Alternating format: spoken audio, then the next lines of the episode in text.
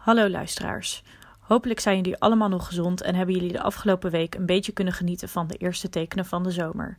Nu de wind weer door de bomen raast en het kwik wat is gedaald, besloten we dat het tijd was voor de volgende quarantaine, of moet ik zeggen, intelligente lockdown-tip.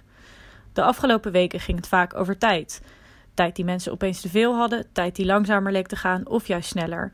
Hoeveel tijd we nog thuis moeten doorbrengen voor we weer naar de kroeg mogen, etc. Daarom leek het mij gepast de uitzending van Aafke en Bouke over tijd van vorig jaar met jullie te delen, waarin ze spreken met theoretisch natuurkundige Marcel Vonk over de rol van tijd in de kwantummechanica en de relativiteitstheorie, en met onderzoeker bij het Amsterdam UMC Karel Meskers over veroudering, wat dan natuurlijk weer mooi aansluit bij die bejaarden over wie we het ook steeds hebben. Van deze aflevering zul je in ieder geval leren dat tijd, net als leed, relatief is en dat je toch maar beter echt kunt beginnen met thuis push-ups doen, want spieren zijn belangrijker dan je denkt. Ik wens jullie heel veel luisterplezier.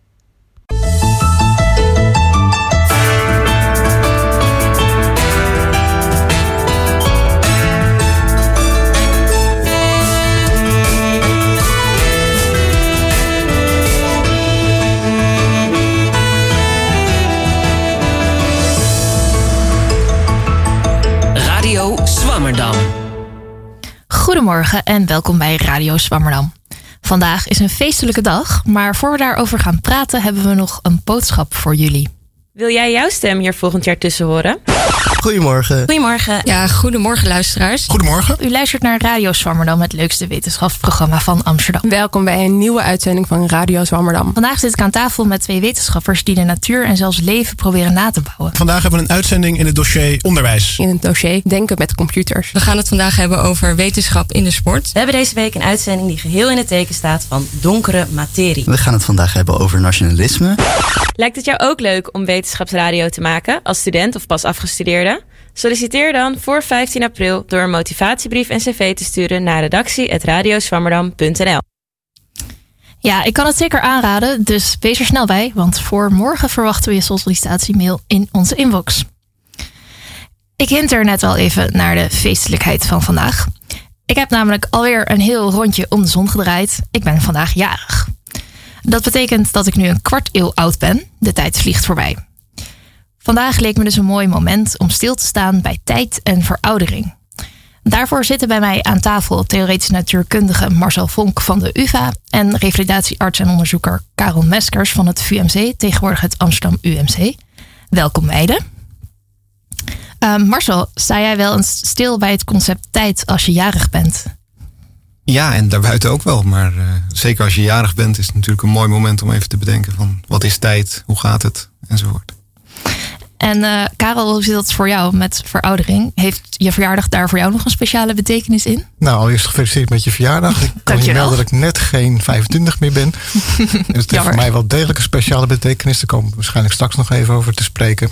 Uh, het feit dat je je bewust moet zijn van hoe je leeft, uh, wordt wel steeds belangrijker naarmate je ouder wordt. Dus ik kan je wel wat uh, handige tips geven vanochtend, denk ik. Ja, daar gaan we het straks inderdaad uitgebreid uh, over hebben. Uh, verder zit vandaag nog aan tafel mijn co-host Bouke. Welkom. Dankjewel. ben jij al bezig met je verjaardag dit jaar? Nou, nee, nog niet zo. Maar het duurt niet zo lang meer. Dus ik moet wel, ik moet wel aan de slag in mijn, in mijn, in mijn hoofd. Met toch die psychologische stap inderdaad ook naar de 25 gaan zetten. Ja, lastig hè? Ja, ja zeker. Ja, heel lastig. Ja, de tafelbezetting is vandaag compleet met Annaluna Post, die halverwege haar column zal voordragen. Uh, welkom Annaluna. Dankjewel. Wil je al iets loslaten over je column of blijft het een verrassing? Ik ga het ook over verjaardagen hebben, maar niet die van mij, maar die van Galileo Galilei. Oh, leuk. Nou, ik ben benieuwd. Beroemde wetenschapper. Um, ja, Marcel, laten we maar uh, meteen beginnen met een uh, schijnbaar makkelijke, maar toch eigenlijk wel heel moeilijke vraag. Wat is tijd? Ik heb geen idee, is het korte, eerlijke antwoord. Nee, zoveel natuurkundige theorieën als er zijn, zoveel begrippen van tijd zijn er eigenlijk. En uh, we pakken voor elke theorie dat begrip dat we het makkelijkst vinden. Maar de filosofische vraag, wat is tijd nou eigenlijk, uh, daar hebben we niet echt een antwoord op. En wat is tijd dan bijvoorbeeld in, uh, weet ik veel, de zwaartekrachtstheorie?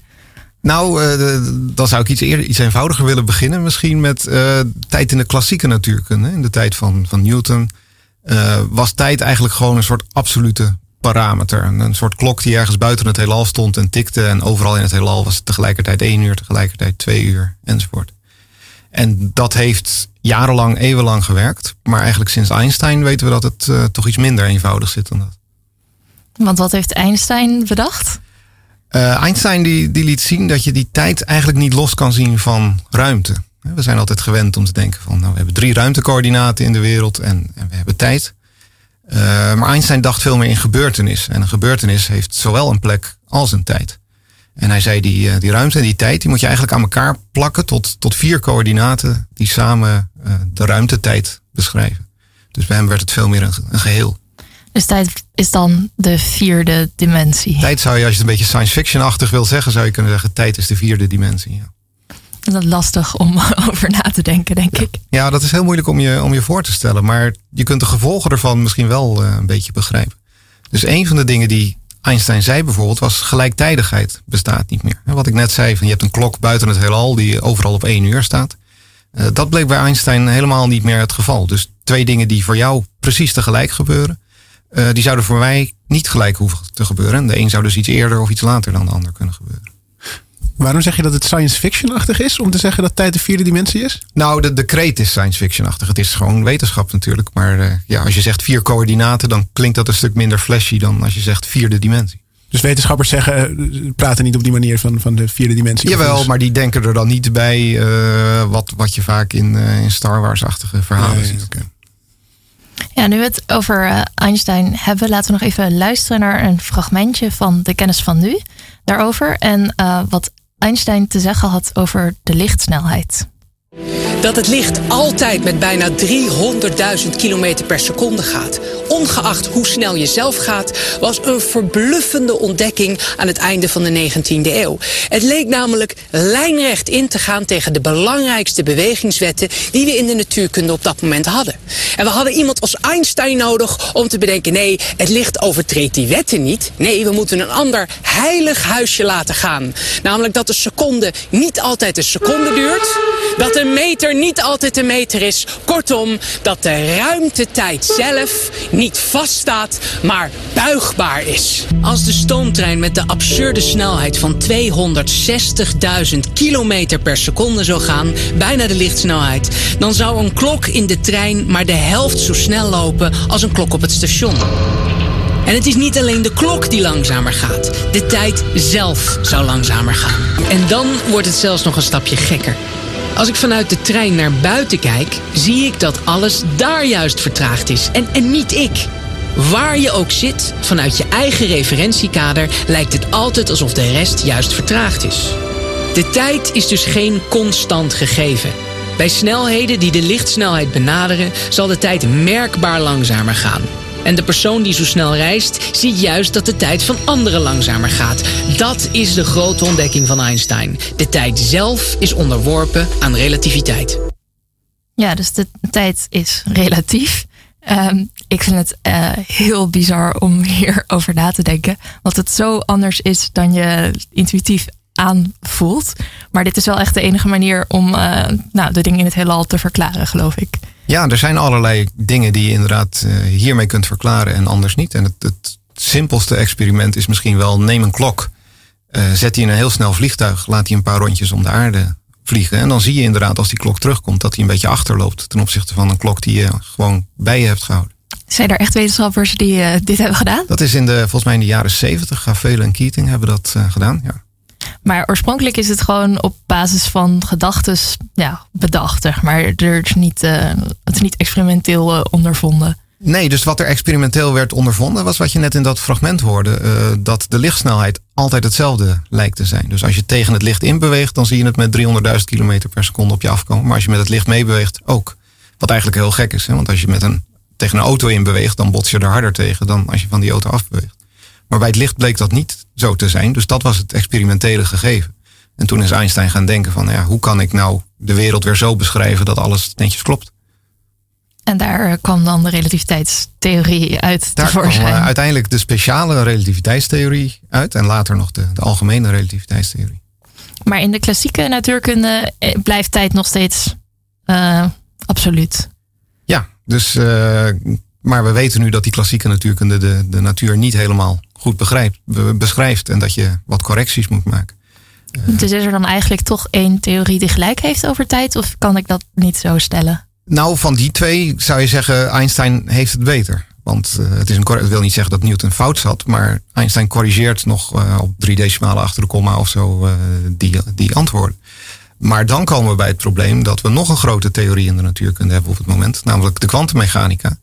En die heeft juist weer heel veel moeite om die tijd op de manier van Einstein te beschrijven.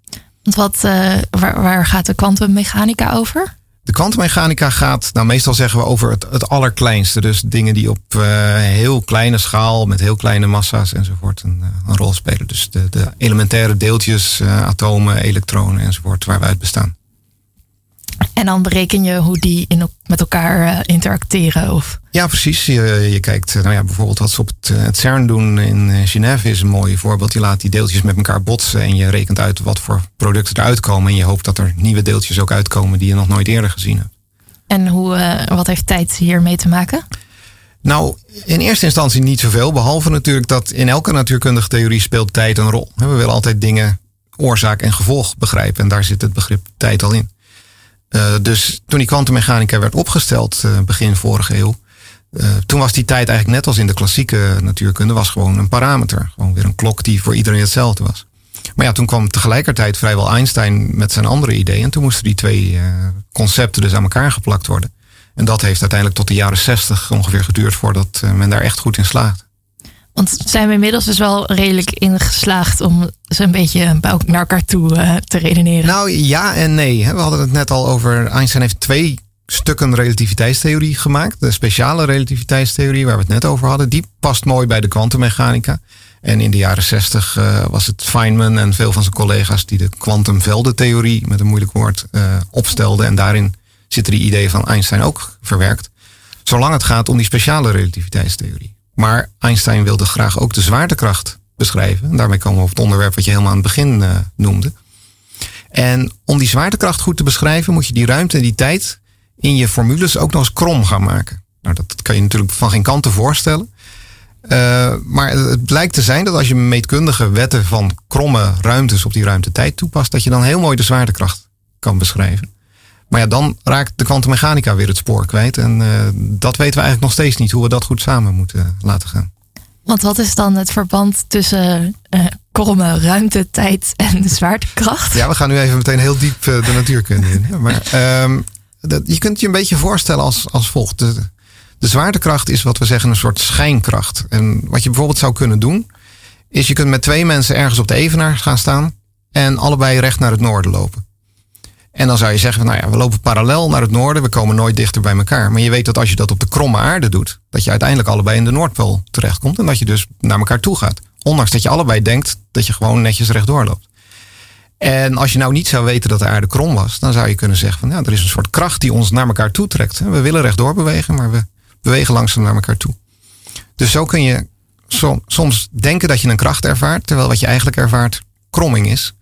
En Einstein liet zien dat als je dat niet alleen met de ruimte, maar met de ruimte en de tijd doet, dat je dan precies de zwaartekracht kunt, uh, kunt beschrijven. De zwaartekracht is eigenlijk kromme ruimte-tijd. Precies, ja. Het is uh, ingewikkeld.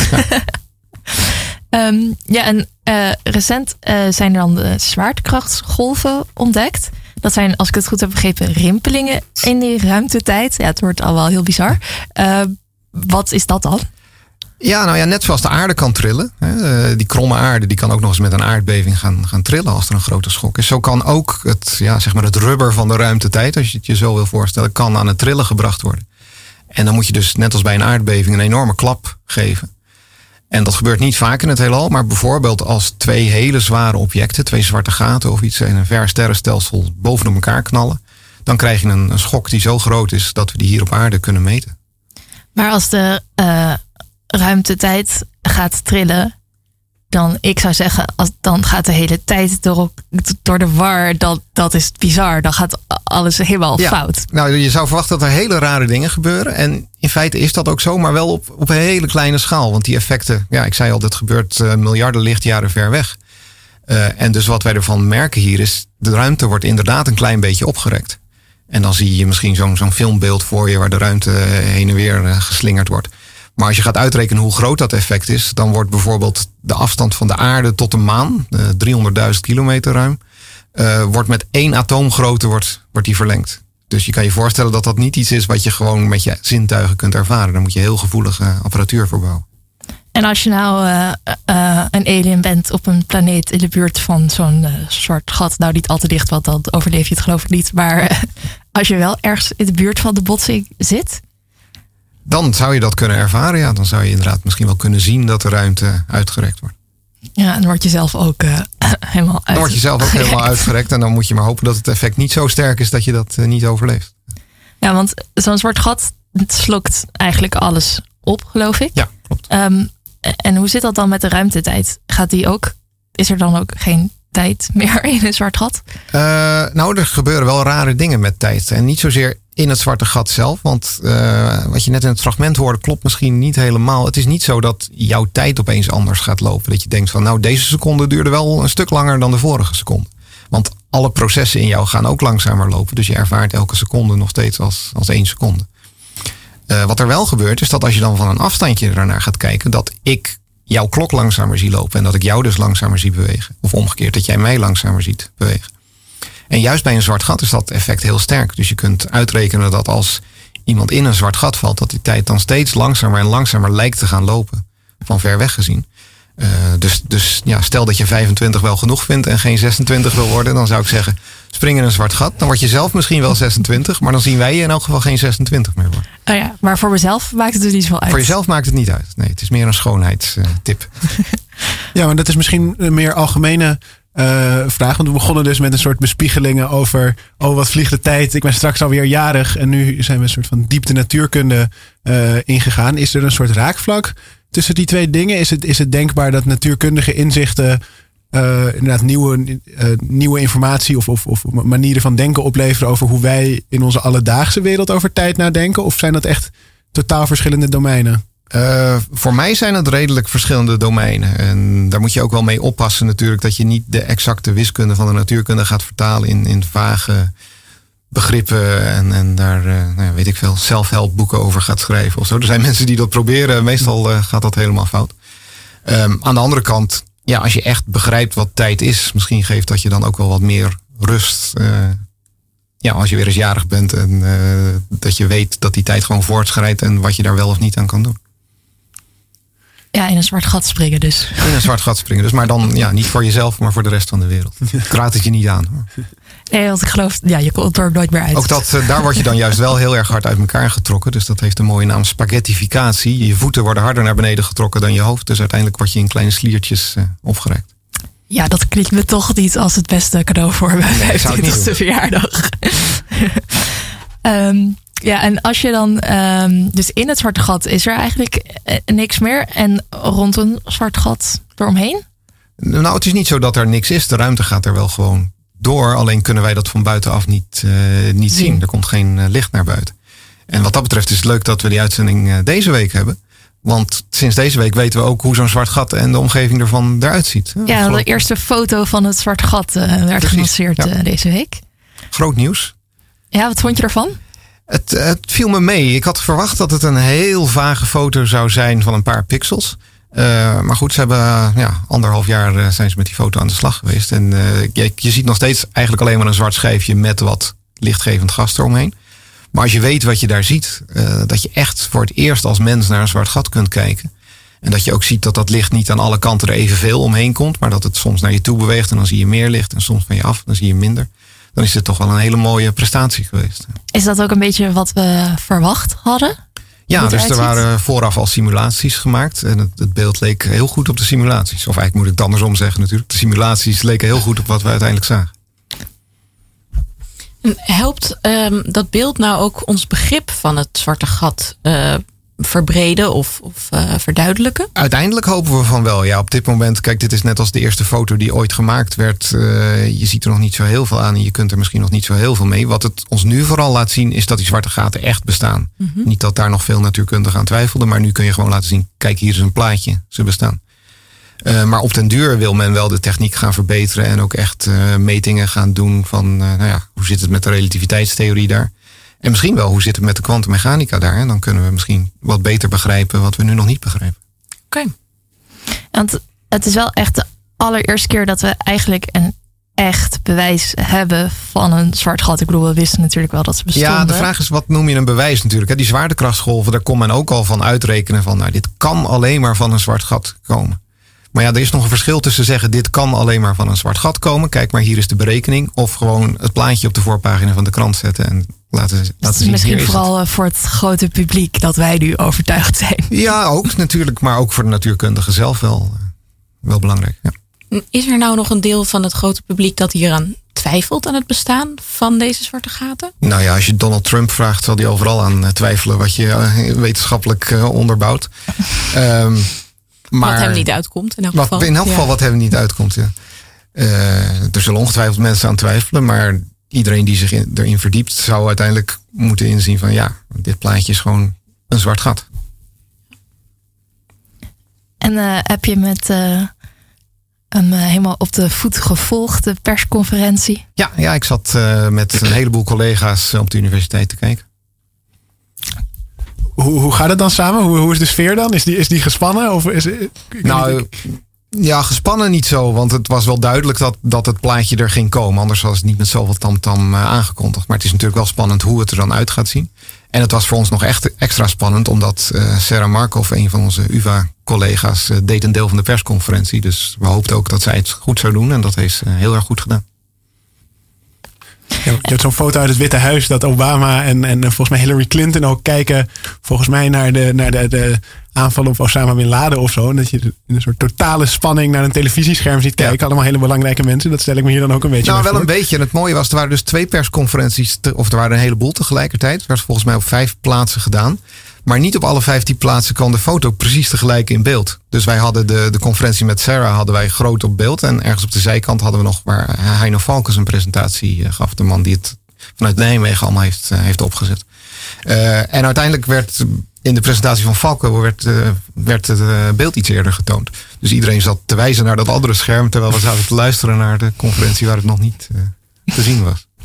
Ja, mooi inkijkje in hoe dat ja. zo gaat. Um, en, en, hebben zwarte gaten voor jou in uh, ja, je dagelijks onderzoek uh, ook een uh, functie? Of ben je daar veel mee bezig? Ja, dus ja, ik doe zelf heel wiskundig onderzoek. Um, maar dat gaat over wat we dan met een heel moeilijk woord niet perturbatieve effecten in de natuurkunde noemen. Niet perturbatief. Ja, nou daar kunnen we nog een keer een hele uitzending aan besteden wat dat is. Maar dat zijn dingen die je met de gewone rekentechnieken in de natuurkunde niet kunt zien, maar waar je andere technieken voor nodig hebt. En zwarte gaten zijn daar juist een heel, uh, heel goed voorbeeld van. Dus die komen zeker in mijn onderzoek veel voor. Maar je bent dus eigenlijk de hele tijd aan het rekenen. Eigenlijk is dat, ja, dat is altijd de moeilijkste vraag die mensen Bouke begint te lachen, maar dat is uh, helemaal niet uh, neerbuigend of zo nee. hoor.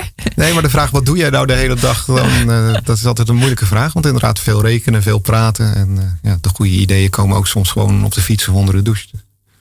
En um, denk je dat um, we nog uh, nieuwe inzichten gaan krijgen over wat tijd is? Of hoe we dat kunnen verenigen in die theorieën? Of zijn de grote theorieën wel zo'n beetje bedacht? Nee, ik hoop het wel. Want de, ja, de, de bouwblokken hebben we misschien wel, de bouwstenen. Uh, we hebben die kwantummechanica, we hebben de relativiteitstheorie. Maar ze passen nog steeds niet goed aan elkaar. Dus ja, dat is een stap die nog gezet moet worden. En hopelijk leren we dan ook weer wat beter begrijpen wat tijd nou eigenlijk is.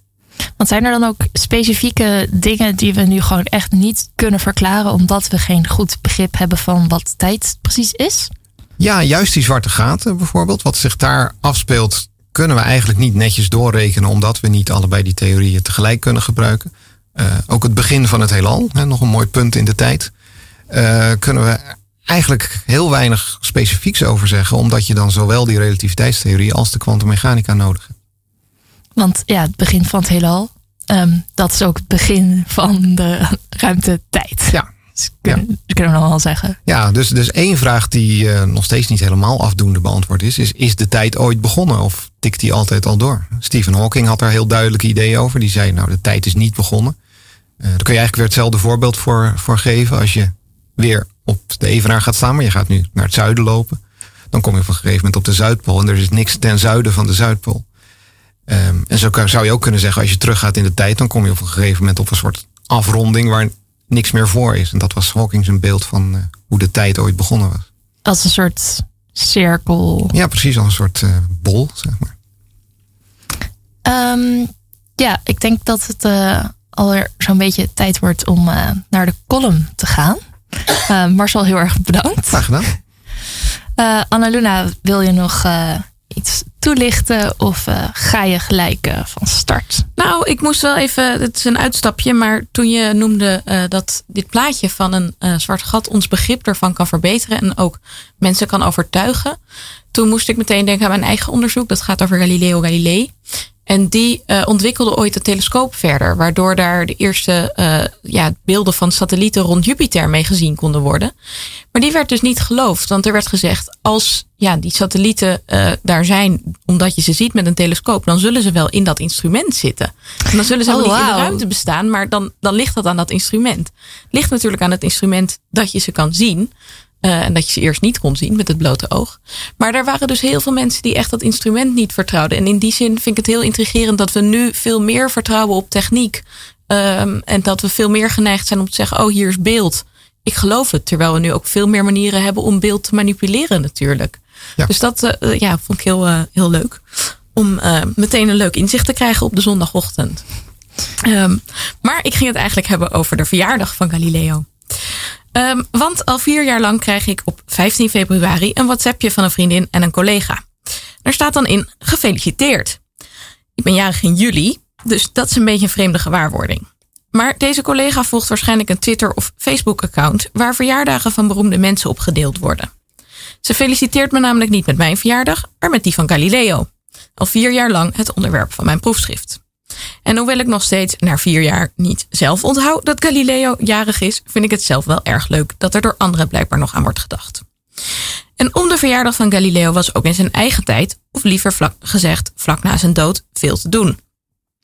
Galileo stierf op 8 januari 1642 in zijn villa in Arcetri, een klein dorpje vlakbij Florence. Zoals jullie wel weten was hij ongeveer negen jaar eerder veroordeeld door de Inquisitie voor ernstige verdenking van ketterij. Hij had in zijn Dialogo sopra i due massimi sistemi del mondo het Ptolemeïsche, oftewel geocentrische, met het Copernicaanse heliocentrische wereldbeeld vergeleken. En hij had zich daarbij al te positief uitgelaten over dat laatste. Dat kwam hem duur te staan. Hij kreeg huisarrest in Arcetri en mocht zich niet meer onder de gewone bevolking van Florence mengen. Gelukkig kreeg hij na een aantal jaar, toen hij geheel blind was geworden, toestemming om studenten in zijn huis op te nemen, die hem dan konden helpen bij bijvoorbeeld brieven schrijven en verder onderzoek doen. En een van die studenten was Vincenzo Viviani. Hij was aanwezig bij Galileo's sterfbed en nam, na zijn dood, het initiatief om een mooie graftombe voor hem op te richten. Deze tombe moest in de Santa Croce kerk komen, naast of tegenover het graf van de schilder Michelangelo Buonarroti, die andere belangrijke Florentijnse held. De tombe kwam er pas in 1737, want hoewel heel veel geleerden in Florence, net als de regerende Medici-familie, er graag al eerder eentje wilden oprichten, gaf de katholieke kerk steeds geen toestemming. Het gaf geen pas om een ketter in een kerk zo'n mooi graf te geven. Dat duurde tot bijna een eeuw na Galileo's dood. In de tussentijd besloot Viviani dan ook om zijn leermeester op een andere manier te vereren, namelijk door de façade van zijn eigen huis aan hem te wijden. Dat huis vind je ook vandaag nog in de Via di Sant'Antonino, een onopvallend straatje vlakbij waar nu het grote treinstation van Florence is. Viviani's oude huis wordt ook wel het Palazzo dei Cartelloni genoemd. Het paleis van de aanplakbiljetten, of zelfs billboards, zoals je wil. Op die aanplakbiljetten, twee enorme stenen plakkaten, staan de prestaties en goede eigenschappen van Galileo beschreven. En, heel belangrijk, op de plakkaten staat ook te lezen dat Galileo geboren werd op de dag dat Michelangelo het leven liet. En dat was belangrijk voor Viviani, want zo kon hij laten zien dat de geest van de enige Florentijnse genie zonder omhaal in de andere was overgegaan. Maar er is één probleempje, want Michelangelo stierf ruim een week voor Galileo geboren werd. Niet op dezelfde dag. En Viviani wist dat best, maar goochelde wat met verschillende kalenders, want Rome en Florence hielden lange tijd niet dezelfde kalender aan, en feitjes gewoon om zijn punt te maken. Dus ook toen was tijd in zekere zin relatief. Fun fact: in de Bibliotheca Nazionale in Florence ligt nog steeds een vel papier met die berekeningen van Viviani.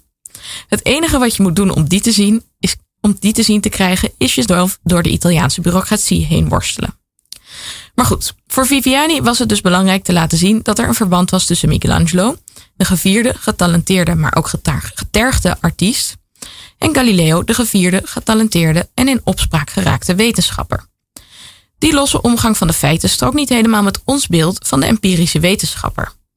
Maar Viviani's en dus Galileo's tijdgenoten keken niet op een week meer of minder. Het paste juist in de biografische traditie van dat moment om de feiten af en toe een kleine draai te geven. Zeker als dat tot verdere eer van je onderwerp strekte. Een saillant detail is dat over Newton weer werd gezegd dat hij vlak voor Galileo's dood geboren werd. Ook dat klopt niet. Dit keer is er zelfs een foutmarge van een jaar. En dat klopt omdat Engeland en Italië kalenders hadden die lang uit elkaar liepen. Nu helpt een grondige studie van het verleden over het algemeen enorm tegen eventuele nostalgische opspattingen. Er is geen enkele periode waarin ik liever zou leven dan de onze. Alle nadelen van onze tijd en spijt. Maar we kunnen wat Viviani voor Galileo deed misschien wel terugbrengen als een grappig gezelschapsspelletje. Welke beroemdheid overleed vlak voor jouw geboorte? En wiens genius is dus in jou overgegaan? Ik kom zelf helaas niet veel verder dan een voetballer, een autocoureur en wat onbekende acteurs. Dat zal helaas niemand inspireren tot het ophangen van billboards. Dankjewel, Alalula. Ja, wel bijzonder dat ze dus gewoon een beetje goochelden met de verjaardagen om het uh, ja, leuk uit te laten komen. Ja, het was ook heel gebruikelijk. Um, en het was ook heel goed mogelijk, omdat Florence en uh, uh, Rome tot 1582 niet dezelfde kalender aanhielden. En dat zorgt nog steeds wel eens voor verwarring in bronnen. Dus als um, Michelangelo in februari op de 15e was overleden in Florence, dan betekende dat eigenlijk de 18e in Rome bijvoorbeeld.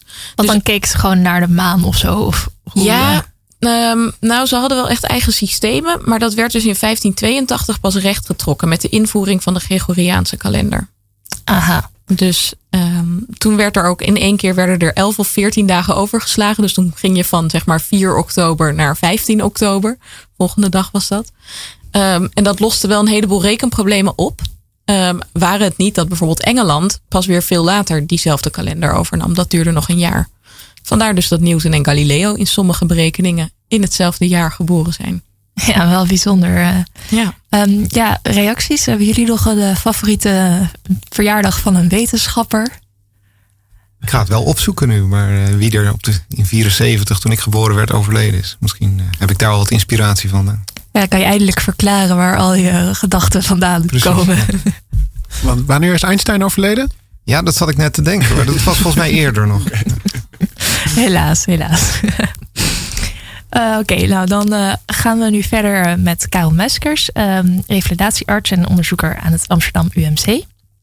Um, ja, als revalidatiearts weet je een hoop van ouder worden. En dan specifiek van spierveroudering. Daar gaan we het straks uitgebreid over hebben. Uh, eerst gaan we nog even luisteren naar een fragmentje van de Universiteit van Nederland van je collega Andrea Maier. Um, ze heeft het over een onderzoekje bij 60-jarigen die zich wel of niet aan vier dingen houden, namelijk niet roken, fruit en groente eten, matig alcohol drinken, en dat is dan geloof ik 1 tot anderhalf glas of zoiets, um, en genoeg bewegen.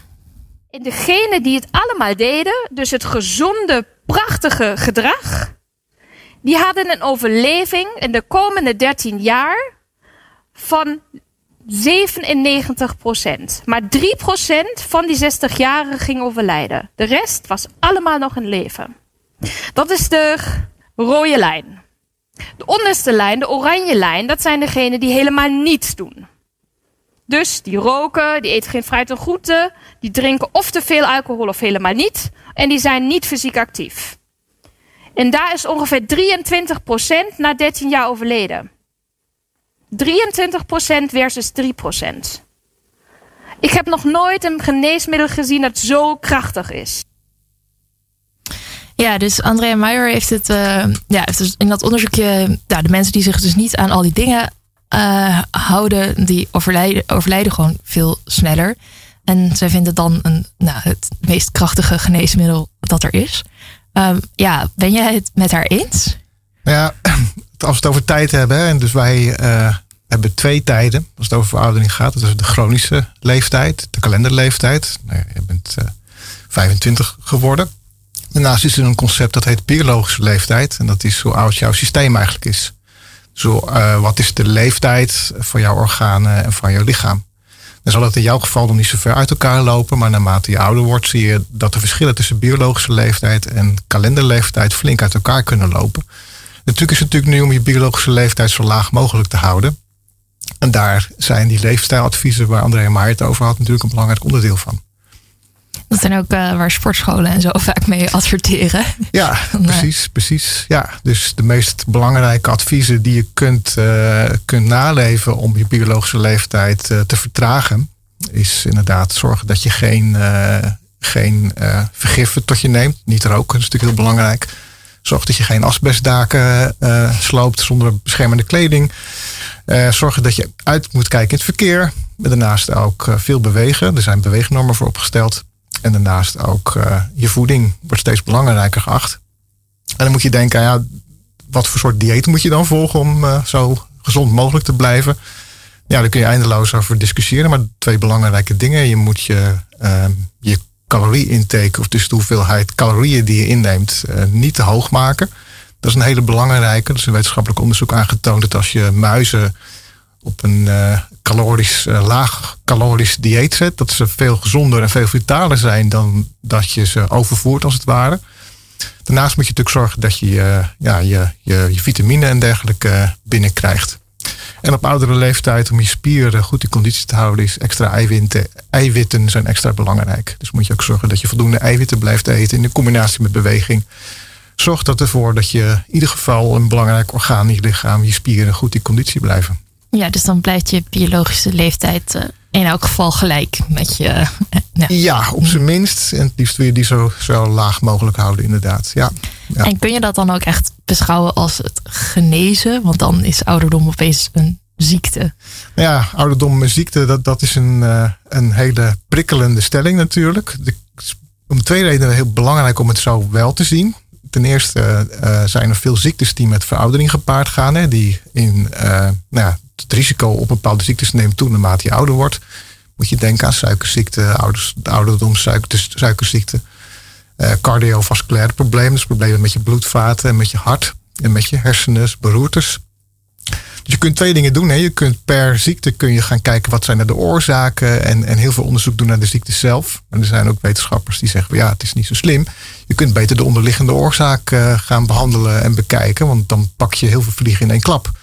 Dus in die zin is het bestuderen van veroudering, die de oorzaak is van al die ouderdomsgerelateerde ziektes, natuurlijk veel aantrekkelijker om in te investeren dan in al die losse ziektes. Dat is één. En twee is, dat is een hele uh, ja, vrij vervelende reden, is dat de farmaceutische industrie bijvoorbeeld uh, pas gaat investeren als iets een ziekte is. En heel veel onderzoeksgeld in de medische wetenschap komt los, ook dankzij farmaceutische industrieën. En dat is een hele ja, een vrij economische reden om te zeggen, als, als we het een ziekte noemen, raken misschien mensen geïnteresseerd, die gaan medicijnen ontwikkelen. Nou, dat, dat is dan één ding apart. Maar het feit dat er heel veel onderzoeksgeld loskomt, kan weer betekenen dat onderzoek een veel grotere massa krijgt dan het nu heeft. Een nadeel natuurlijk van uh, ouderdom als ziekte is dat je natuurlijk heel erg gaat medicaliseren. Is dat je van, eigenlijk van begin af aan al, dat je je eerste stap op de wereld zet, al nou ja, behandeld moet worden met pillen en dergelijke, omdat het de ziekte is die bestreden moet worden. Ja, en dat is misschien ook weer niet heel gewenst. Nee, dan kun je gaan denken, wat is nou de kwaliteit van leven? Hè? Dus, dus hoe moet ik me nou bezig gaan houden met, uh, met het feit dat ik ouder word? Er zijn natuurlijk twee dingen die heel belangrijk zijn. Voor hoe oud word ik nu? Nou, dat wordt door een deel bepaald van degene die je hebt. Je ouders een bepaalde leeftijd bereikt, heb je zelf ook uh, een grote kans dat je die leeftijd haalt. Dat is gewoon de bepaalde leeftijd. Maar daarnaast is er ook sprake van, nou, hoe, hoe word ik oud? Dus hoe ga ik mijn uh, einde beleven? Ja, het liefst persoonlijk... niet met uh, al te veel. Uh, nee, daar ben ik zelf nogal in geïnteresseerd. Zelf vind ik het zelf niet zo heel belangrijk hoe oud ik word. ik hoop natuurlijk nog wel enige jaren hier door te brengen op deze wereld. Maar met name hoe word ik oud? Dus, dus nou, heb ik hulp nodig? kan ik nog zelfstandig functioneren? Ben ik nog geestelijk bij de tijd? Dat zijn vrij belangrijke zaken waar je natuurlijk liever niet over nadenkt. Als je in jouw geval nog jong bent. Maar op de duur op een gegeven moment wel een belangrijk deel van je einde gaan bepalen. Kun je twee dingen doen. Je kunt zeggen van nou, dat zie ik wel als het gebeurt. Nou, een soort van struisvogeltactiek. Of je kunt zeggen, wat kan ik er nou nu aan doen? Hè? Hoe kan ik nu uh, ervoor zorgen dat uh, mijn kansen op een uh, vitale ouder, oudere leeftijd zo hoog mogelijk maakt? Nou, dan kom je weer bij die, die leefstijladvies uit, die Andrea Maier net heeft, heeft, heeft verteld. Dat zijn nou, bewegen, goed dieet, goed eten en nou ja, alcohol en roken vermijden. Ja. En um, jouw specifieke um, vakgebied is spierveroudering. Um, wat is dat?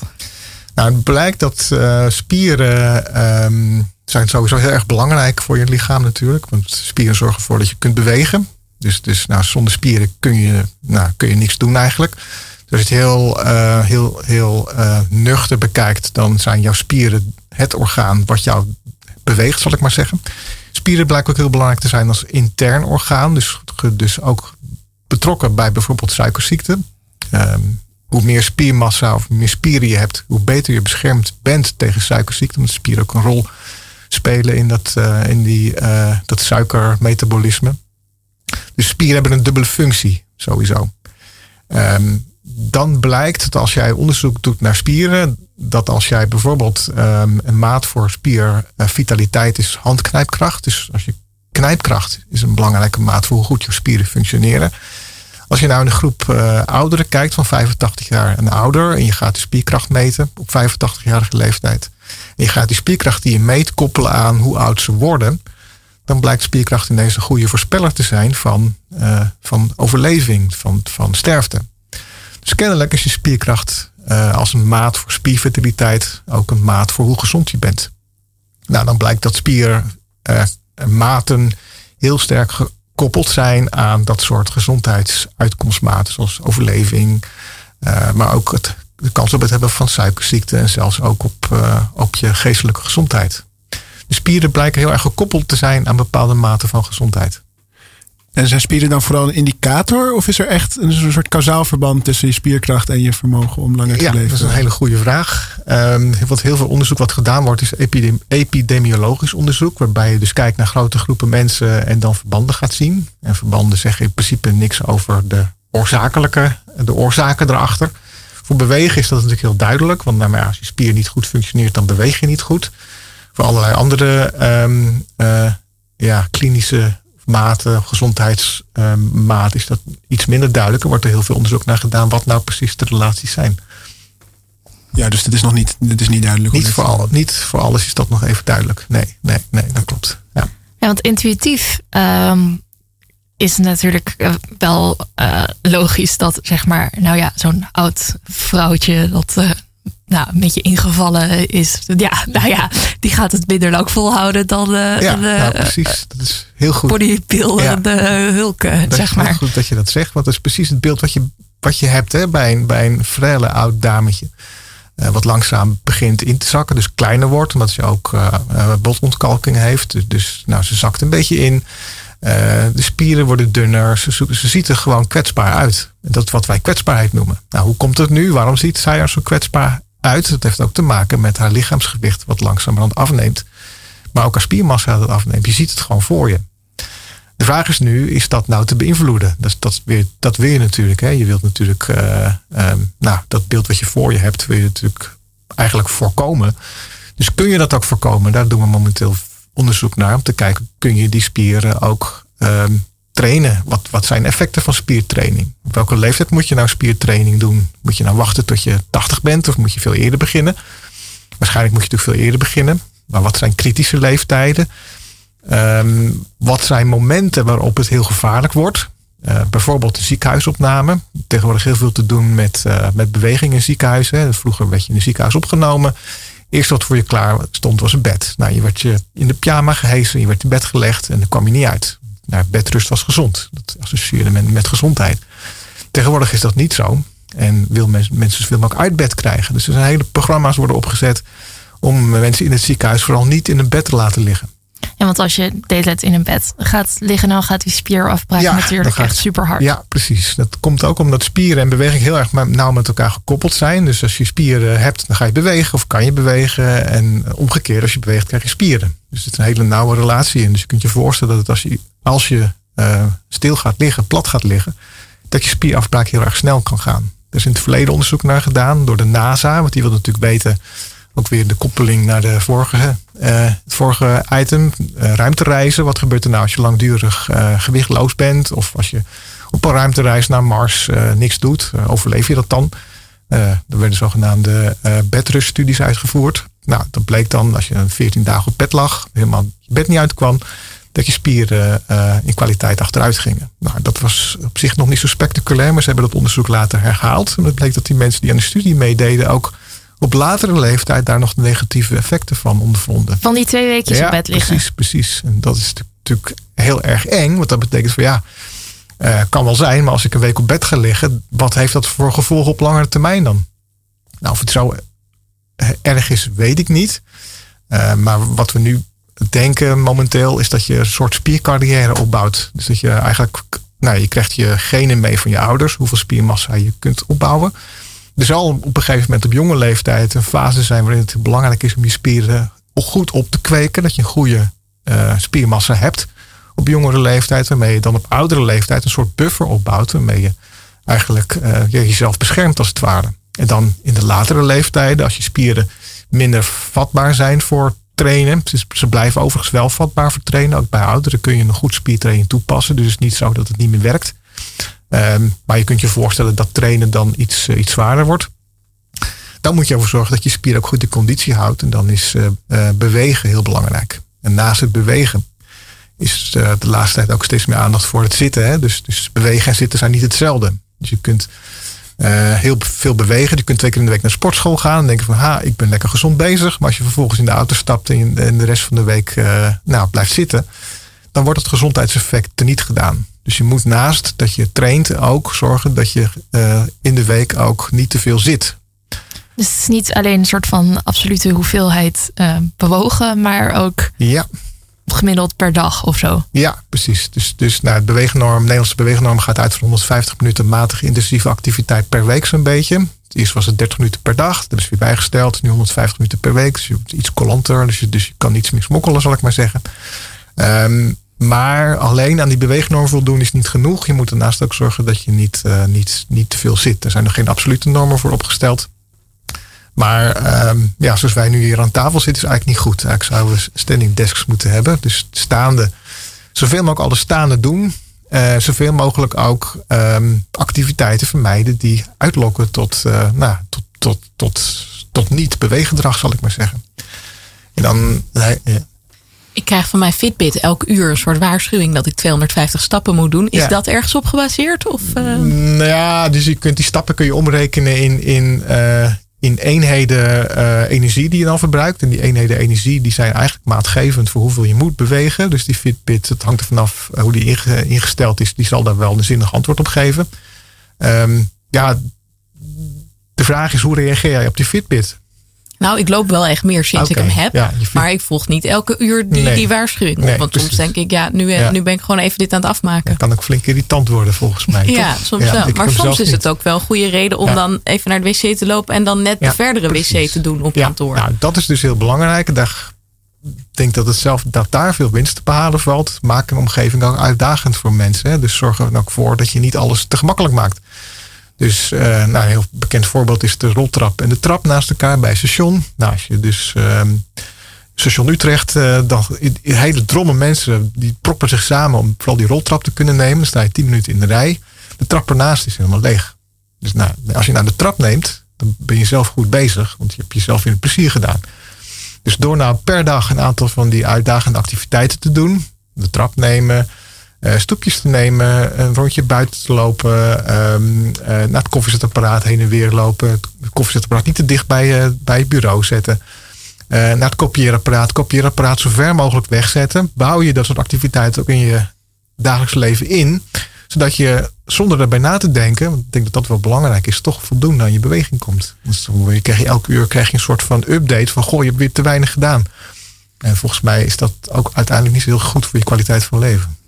Nee, maar dat vraag ik me ook af. Want kun je je ook niet jezelf een beetje gek maken als je zoveel, als, als, als jij hier vanaf weet, weet over die verouderingsprocessen. Uh, dat je dan toch voortdurend daarover ook mee, uh, wat je over jezelf mee bezig bent. Ja, dat klopt. Ja, nee, dat, dat, uh, dat klopt. Ja, ik maak mezelf ook wel zorgen dat ik denk van goh. net als we nu weer een uur aan tafel zitten, begin ik al een beetje onrustig te worden. Ik denk van, nou, dit is niet goed. Sorry.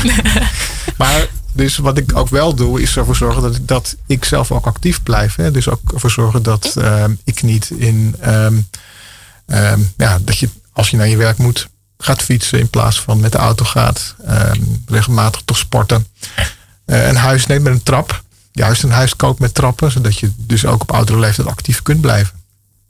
Ja, want ik ga zelf heel vaak met de trein naar Utrecht. En uh, inderdaad sta ik vaak op de roltrap. En dat komt ook omdat uh, het gewoon niet duidelijk is waar dan de echte trap is. Dus dan weet ik ook niet welke kant ik op moet lopen. Um, is daar ook nog een taak voor architecten of stadsplanners? Misschien ook juist in Amsterdam? Ja, precies. Daar wordt, daar wordt wel over nagedacht hoe je een stad uh, levensbestendig maakt. Dus levensloopbestendig maakt. Dus dat betekent dat je een stad niet inricht alleen dat je rekening houdt met de stadsplanning dat je bevolking steeds ouder wordt. Dus nou ja, goede openbaar vervoersvoorzieningen, uh, dat soort zaken. Dus dat je mensen ook wel zelfstandig kunt houden. Maar daarnaast, het betekent niet uh, dat je alles uh, nou, gelijkvloers, zonder drempels en dergelijke zou moeten maken. Maar dat je ook ja, de omgeving een beetje uitdagend moet, moet houden. En waar precies het optimum ligt, is natuurlijk lastig. Um, maar dat blijft wel belangrijk, ja. Juist wel af en toe een drempeltje. Ja, als je het kunt nemen, dan moet je af en toe een drempeltje nemen. Je moet de uitdaging niet uit de weg gaan, als het kan. Ook als je 80 bent. Ja, ook als je 80 bent. Ja, ja. Daar zitten we natuurlijk een beetje ook met, met heel veel vooroordelen, die heel erg oud zijn, heel erg ingesleten zijn. Nou, als je oud bent, uh, dat was natuurlijk, natuurlijk vroeger zo, nou, dan was je, uh, nou, dan moet je vertroeteld worden. Dus als je in de bus bent en je hebt de zitplaats, Um, en er komt iemand, een ouder iemand binnen in de bus, dan sta je op. Nou ja, dan mag zitten. Nou, je ouders, uh, kinderen die tegen ouders zeggen: je moet het eens rustiger aandoen, want je wordt ouder en je bent op leeftijd. Uh, je kunt het kalmer aan gaan doen. Hè? Dus, dus nou, het is zo ontzettend ingesleten. Nou, voor een aantal mensen zal het ook zo gelden. Je kunt het lichaam natuurlijk ook overvragen en overtrainen. Dat is ook negatief. Maar voor een groot aantal mensen zal het zo zijn dat je ja, die vooroordelen toch een beetje kwijt zou moeten. En toch moet denken van ja, ik ben wel 80 of ik ben wel 70, maar ik ben nog fit en vitaal genoeg. Dus je moet niet te snel toegeven aan al die vooroordelen en ook vooral uitgedaagd blijven als je het nog kan. Ja, uh, we hadden het net even over ziekenhuisopnames.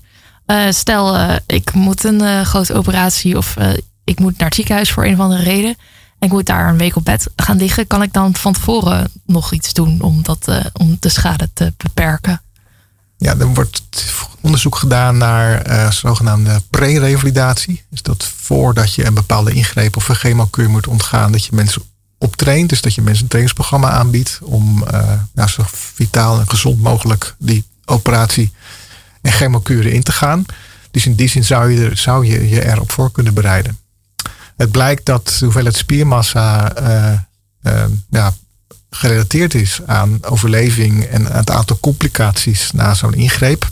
Um, dus dan is het belangrijk om te zeggen, ja, dus ik moet meer spiermassa hebben. Um, het is nog niet heel strikt duidelijk of die programma's welke winst ze nou precies boeken. Um, in het algemeen zou ik zeggen, hoe gezonder en vitaler je daarin gaat, hoe beter dat is. Ja, dus toch maar beter uh, wel een beetje van tevoren trainen. Kan nooit kwaad, nee. En um, ja, ik ben dus nu 25. Um, er wordt wel eens van gezegd, 25, dat is het moment, nu gaat de aftakeling uh, beginnen.